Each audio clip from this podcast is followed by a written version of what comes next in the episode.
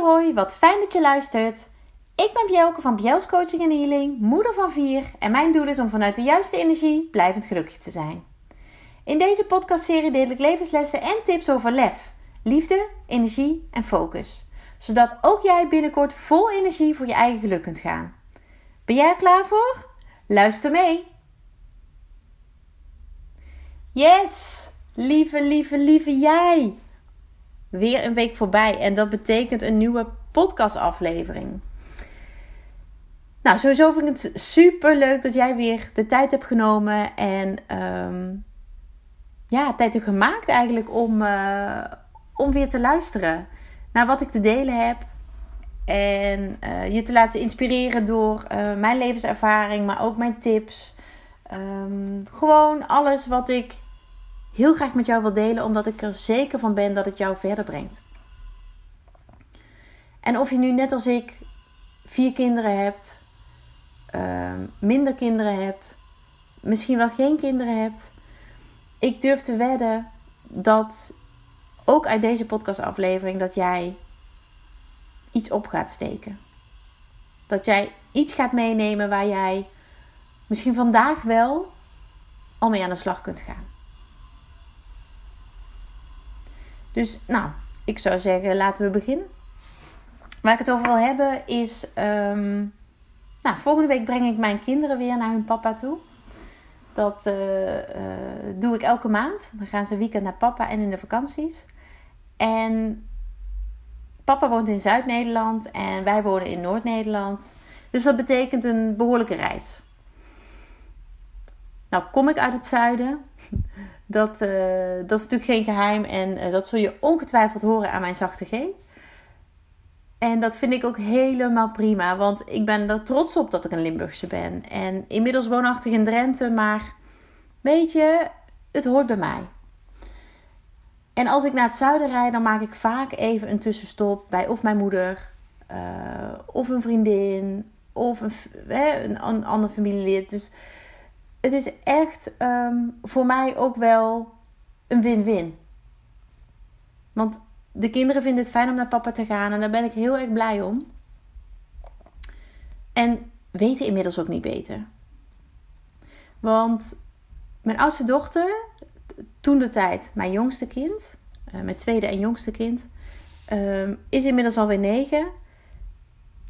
En ik breng haar samen met haar broer ja, al ruim acht jaar naar hun papa. En um, misschien wel herkenbaar voor jou als je ook gescheiden bent of uh, niet meer samen met, uh, met de vader uh, of moeder van je kind. Um, en dat is impactvol. Dat is impactvol. In het begin, weet je, op dit moment is het echt, nou ja, een soort. Ja, we hebben daar een modus in gevonden met z'n allen. Maar in het begin was het echt ontzettend confronterend. Want ik bracht, uh, mijn zoontje was toen denk ik, nou ja, net twee. Ja, net twee en mijn kleine meisje was een half. En die bracht ik naar mijn papa. En ja, dat was. Sowieso was onze relatie op een hele vervelende manier tot een einde gekomen. Uh, daar heb ik al vaker iets over gedeeld. Uh, dat heeft ook in andere media gestaan. Uh, daar ben ik ook heel open en eerlijk over. Um, maar ik heb altijd voorgenomen dat mijn kinderen daar niet onder mochten lijden. Onder wat er ook gebeurd was. En elke keer als ik naar papa bracht, dan was ik positief over hem. Ze hebben maar één papa. En hoe moeilijk dat af en toe voor mij ook was, omdat hij mij zo ontzettend gekwetst had. Zij hebben maar één papa. En ik ben altijd respectvol geweest over hem, waar de kinderen bij waren. Want ik wil niet dat zij op wat voor manier dan ook een loyaliteitsconflict krijgen. Maar jeetje, wat was dat af en toe ontzettend moeilijk. Want er zat heel veel pijn. Ik was tot in mijn diepste geraakt door wat er allemaal gebeurd was. En er waren momenten dat ik twee heel hard huilende kinderen achterliet bij papa. En nu ik dat zo vertel, voel ik dat weer. Niet dat ik een tranen uitbarst, maar dat gevoel van dat was ook loslaten.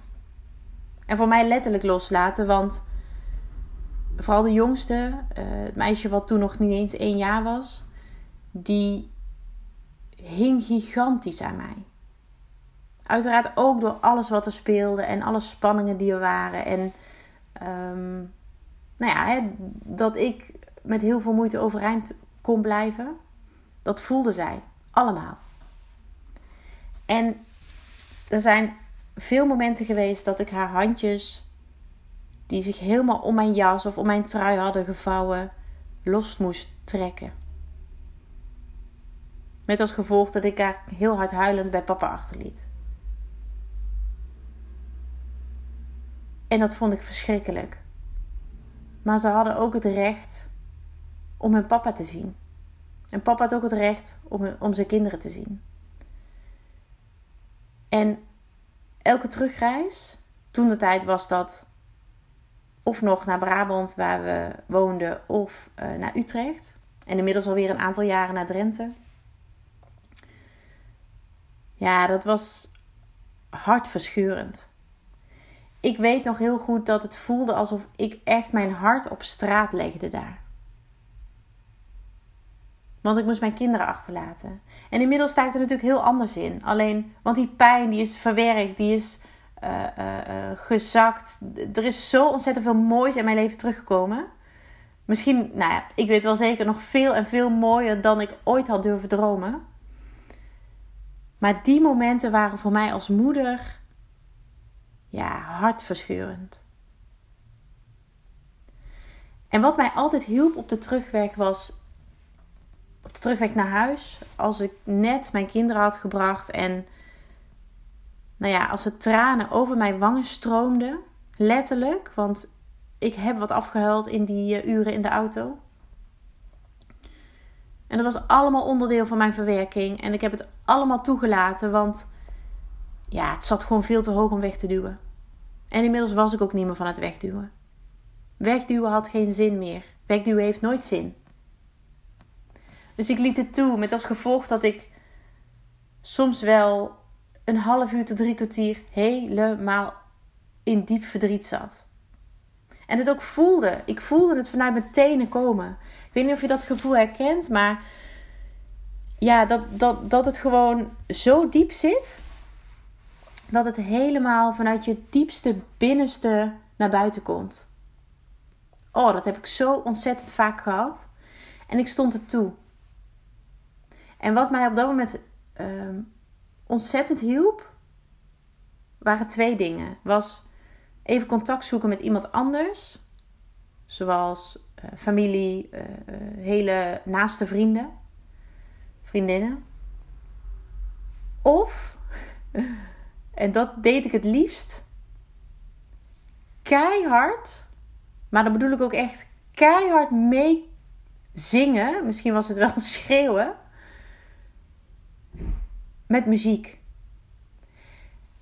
En muziek, ik heb denk ik ehm, een aantal nummers, ja, grijs gedraaid heet dat. Ik had cd's in mijn auto liggen die ik echt keer op keer op keer weer luisterde. En waar ik, nou ja, de tekst uh, van kon dromen. Nou heb ik ook wel, anderen noemen dat een soort gave, dat ik een liedje twee of drie keer hoef te horen en ik ken het nummer van A tot Z ik kan elke tekst of elke zin, elk woord meezingen. uh, noem het een gave. Ik, uh, ik weet niet beter dan dat ik dat kan. Kon ik als kind al. Even terug naar dat ik die nummers meeschreeuwde. En er zijn een aantal nummers um, waar ik aan moet denken als ik terugdenk aan die momenten. En eentje daarvan is uh, het nummer Stronger van Kelly Clarkson. En dat gaat over What doesn't kill you makes you stronger. Misschien ken je het nummer, misschien niet. Het is volgens mij al een best oud nummer. Hè? Ik spreek natuurlijk ook over een jaar of acht uh, geleden inmiddels. Maar als jij um, zoekende bent naar een nummer wat, ja, wat, wat helemaal beschrijft um, dat gevoel van onmacht en Ehm, waar ben ik in hemelsnaam in beland en hoe moet het nu verder? Dan zou ik zeggen, zoek dit nummer op. Stronger van Kelly Clarkson. En ja, laat het uit je luidsprekers knallen. Ik heb echt dit nummer eh, op repeat gehad. Ehm, in het begin van, van het zuiden tot, uh, tot Brabant. Daarna van het zuiden tot uh, Utrecht. Ehm, lang niet meer geluisterd, maar laatst had ik... Ja, ik kwam het tegen op mijn Spotify-lijst en ik zette het op. En ja, de tranen stroomden over mijn wangen, maar niet van ellende of verdriet of dat ik me ongelukkig voelde. Maar meer van wow. Wat was dat een heftige periode. Maar wat ben ik daar goed doorheen gekomen. En wat heb ik vooral mezelf geholpen door het op deze manier te doen. En daar lag iets onder. Sowieso ben ik iemand die heel graag um, ja, zingt niet, want ik ben geen zangeres of wat dan ook, maar ver, me verbaal uit, laat ik het zo zeggen. Dus door te praten, maar ook door te zingen en dus ook door te schreeuwen. En ik weet nog heel goed dat uh, iemand in die periode ook wel eens tegen mij, uh, een keer tegen mij zei: Weet je wat je moet doen? Je moet het eruit schreeuwen. En haar tip was toen: ga naar een busstation en bij het wegrijden van een bus of het opstarten van een bus maakt altijd zo'n geluid. Zo'n heel hard geluid. Als je dan schreeuwt, heeft niemand het in de gaten. Ik heb het nooit gedaan, maar het is een briljante tip. Voor mij was mijn auto op dat moment het busstation. Want in mijn auto hoorde niemand, tenminste dat denk ik, die beleving had ik, hoorde niemand dat ik zo ontzettend aan het schreeuwen was. Ik schreeuwde alle woede, alle angst, alle onmacht, alle onzekerheid. Ik schreeuwde het eruit. Terwijl ik een nummer zong. Ja, vaak dit nummer dus. What doesn't kill you makes you stronger. En wat daaronder lag was hoe intens verdrietig en gebroken ik ook was. Want ja, mijn leven stond niet alleen op zijn kop. Maar ik zag gewoon mijn toekomst niet meer voor me. Want alles wat ik voor me had gezien, was gelinkt aan de situatie die er was. Maar die dus niet, niet meer bestond nu. En ondanks die pijn die ik voelde en ondanks dat gevoel van leegte en ja, onzekerheid, maar ook um, ja, ik ben even zoekende naar het, naar het goede woord. Radeloosheid misschien, omdat ik geen idee had wat er zou gaan gebeuren. Heb ik op een gegeven moment iets uh, besloten. Namelijk dat ik iets van mijn leven zou gaan maken. En op dat moment had ik geen idee hoe. Had ik geen idee welke stap ik daarvoor nodig had. Had ik geen idee wie ik daarvoor moest benaderen. Maar hardop tegen mezelf zeggen: ik ga iets van mijn leven maken. En dat was natuurlijk voor mijn kinderen, want die hadden mij nodig maar vooral ook voor mezelf. Dat was zo'n overwinning. En als ik nu terugdenk, dan denk ik: jeetje, wat, wat knap eigenlijk. Want op dat moment zag ik het totaal niet zitten. Ik zag totaal niet voor me hoe ik ooit weer gelukkig kon worden. Hoe ik ooit die klap, want zo voelde het en dat was het ook echt, hoe ik die klap ooit te boven zou komen. Maar ik, ik besloot ervoor te gaan. Omdat ik heel diep van binnen voelde dat het me zou lukken. Maar ik gunde het mezelf ook. Want ik verdiende het. Ik verdiende het om ervoor te gaan. En om dit zwarte gat te verlaten. En ik ben ontzettend diep moeten gaan. Ontzettend diep. Ik ben een zware burn-out beland. Ehm, ja, waar ik uiteindelijk tot op de dag van vandaag ongelooflijk dankbaar voor ben.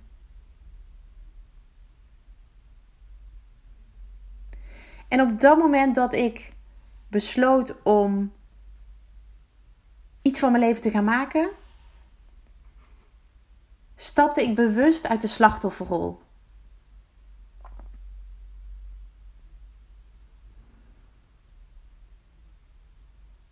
En die slachtofferrol, dat was iets waar ik tot dat moment wel in hing, omdat ik het allemaal niet overzag.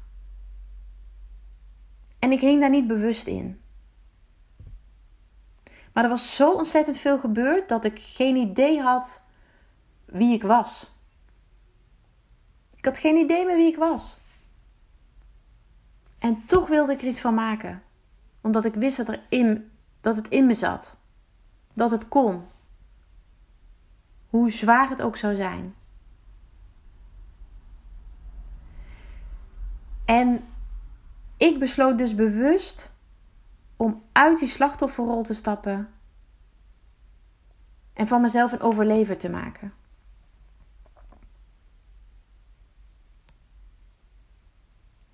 En een overlever is iemand die iets heel heftigs uh, heeft doorstaan.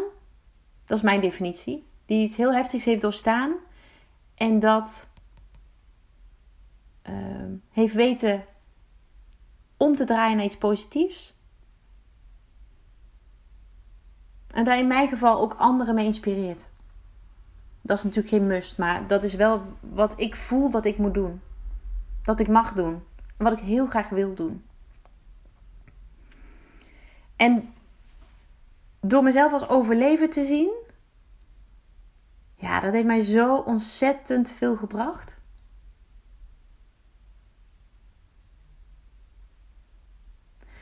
En dat nummer Stronger van Kelly Clarkson, daar zegt ze ook in: What doesn't kill you makes you stronger.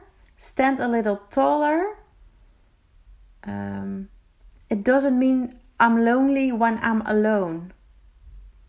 En die zin, die vertelde mijn hele verhaal. Die vertelde mijn hele verhaal. Ik was niet eenzaam, maar wel alleen. En dat is een groot verschil. Een heel groot verschil. Ik ben heel benieuwd of jij dat voelt, dat verschil. Of jij voelt dat alleen zijn, je alleen voelen, niet per definitie je eenzaam voelen is. Want ik had heel veel mensen, lieve mensen om me heen die, ja, die mij opvingen. Die er voor mij waren dag en nacht. En ik merk dat het me ook wat doet nu ik dat zeg, want dat was zo ontzettend belangrijk. En ik kon het ook niet meer alleen. Zolang ik me kan herinneren, ehm, vond ik dat ik alles alleen moest kunnen, alles zelf moest kunnen. Weet je, zelfstandige vrouw, zo ben ik ook opgevoed. Uh, je eigen boontjes doppen, wat ik heel mooi en positief vind. Maar in mijn beleving hoorden daar hulpvragen niet bij. Maar juist door hulp te vragen kon ik stappen zetten. En ook dat is in mijn beleving wat een overlever doet. Want een overlever wil vooruit.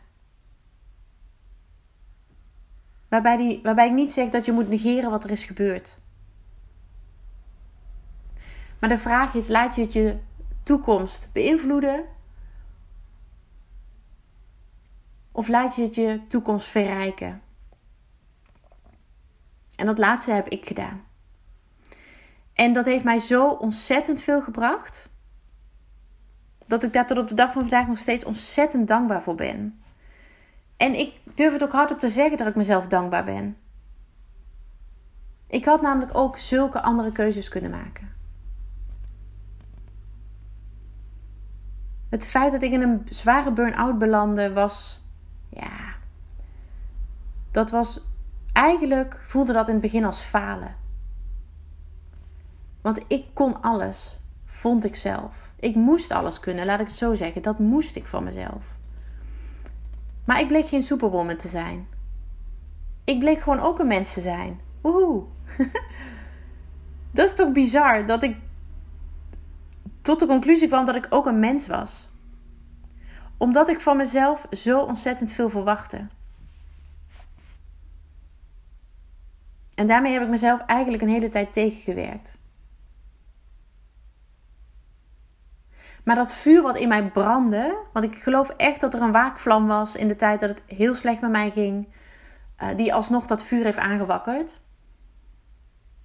Die mij de kracht heeft gegeven om uit die slachtofferrol te stappen en mezelf als overlever te zien. En me ook als overlever te gaan voelen. Want ik had nog een heel leven voor me. En ik had twee prachtige kinderen die mijn verantwoordelijkheid waren. En die ik de beste moeder ever wilde geven. Maar vooral een moeder die heel dicht bij zichzelf was. En nog steeds is. Ik wilde een goed voorbeeld zijn voor mijn kinderen. En hen laten zien dat je niet hoeft. Dat, dat tegenslagen niet betekenen dat je moet opgeven. Dat tegenslagen je juist heel veel brengen. Ze maken je creatief. Ehm, ja, ze zorgen ervoor dat je, dat je andere wegen bewandelt. Ehm, dat je misschien mensen benadert waar je nooit normaal gesproken contact mee opneemt. Dat is wat tegenslagen in mijn beleving doen. Het maakt je zo ontzettend veel rijker. Er is ook een mooi boek van Maxine Schnall. Ik hoop dat ik het goed uitspreek. En nou ja, toepasselijke titel: What doesn't kill you makes you stronger. En de kern van wat zij zegt bij dat boek is: um, Every bad break can be a blessing. Dat is wat zij zegt. Dus elk dieptepunt kan een lichtpunt zijn. Zo heb ik hem zelf uh, vrij vertaald. Elk dieptepunt kan een lichtpunt zijn. En dat is precies hoe ik het heb ervaren. En niet alleen maar de uh, ellende rondom de breuk met de vader van mijn oudste twee kinderen. Maar ook zoveel levenservaringen meer. En als je al mijn podcastafleveringen luistert, dan hoor je daar nou, nog veel meer over wat ik allemaal heb meegemaakt en hoe ik dat op dit moment inzet om niet alleen maar van mezelf de beste versie te zijn, maar ook andere moeders te helpen de beste versie van zichzelf te zijn. En de beste versie van jezelf is in mijn beleving gewoon heel dicht bij jezelf. Even terug naar het boek van Maxine Schnall. Um, ja, zij zegt Goede mensen overkomen slechte dingen. En weet je, dat gebeurt, dat klopt. En ik geloof erin dat je krijgt wat je aan kan. En dat je daar dus iets mee mag doen. Voor jezelf, maar ook voor, nou ja, voor anderen. Het gaat erom hoe jij ermee omgaat. Er zijn volgens Maxine Schnall twee manieren om ermee om te gaan. En dat is precies uh, zoals ik het ervaren heb. Dat is enerzijds de slachtofferrol en anderzijds de overlever. Dus het slachtoffer en de overlever. En Maxine Schnal zegt: um, Een slachtoffer vraagt zich af hoe lang het duurt voordat het weer beter wordt. En een overlever neemt het besluit om zich goed te voelen, ook al zijn de omstandigheden daar niet naar. En als je die even laat binnenkomen, is dat precies wat ik net vertelde. Precies wat ik net vertelde. Dat ik me ontzettend rot voelde. Dat het echt niet goed met mij ging. Maar dat ik besloot iets van mijn leven te gaan maken. Hoe onduidelijk de weg op dat moment ook was. Maar ik wilde mij goed voelen. Ik wilde mij uh, mijn toekomst weer een kans geven. Een slachtoffer geeft op en een overlever blijft stappen zetten om vooruit te komen. En die stappen zijn loodzwaar. Dat weet ik. Dat weet ik me al te goed. Alleen ze zijn het zo waard. dat kan ik nu ook zeggen nadat ik al die stappen heb gezet. En het zijn stappen vooruit, maar af en toe ook stappen achteruit. Keiharde stappen achteruit. Maar je bent altijd verder dan wanneer je niks doet. Um, Maxine schrijft in haar boek ook: een slachtoffer verzuipt in zelfmedelijden, een overlever stelt anderen gerust.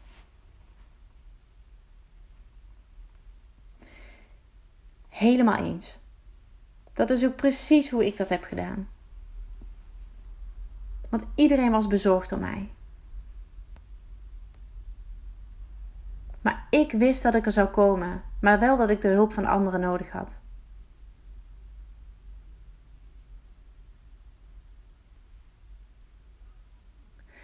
En wat ik ook ben gaan doen, is.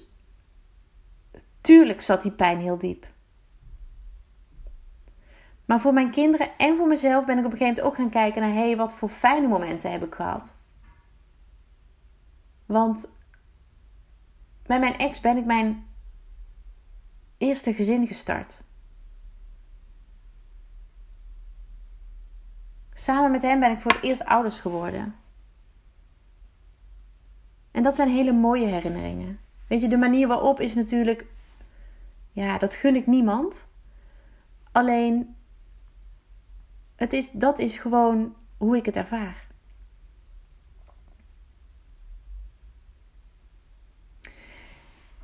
En wat ik ook nog belangrijk of belangrijk mooi vind uit het boek van Maxine is dat zij schrijft: het slachtoffer gaat de strijd aan met het leven en de overlever omarmt het.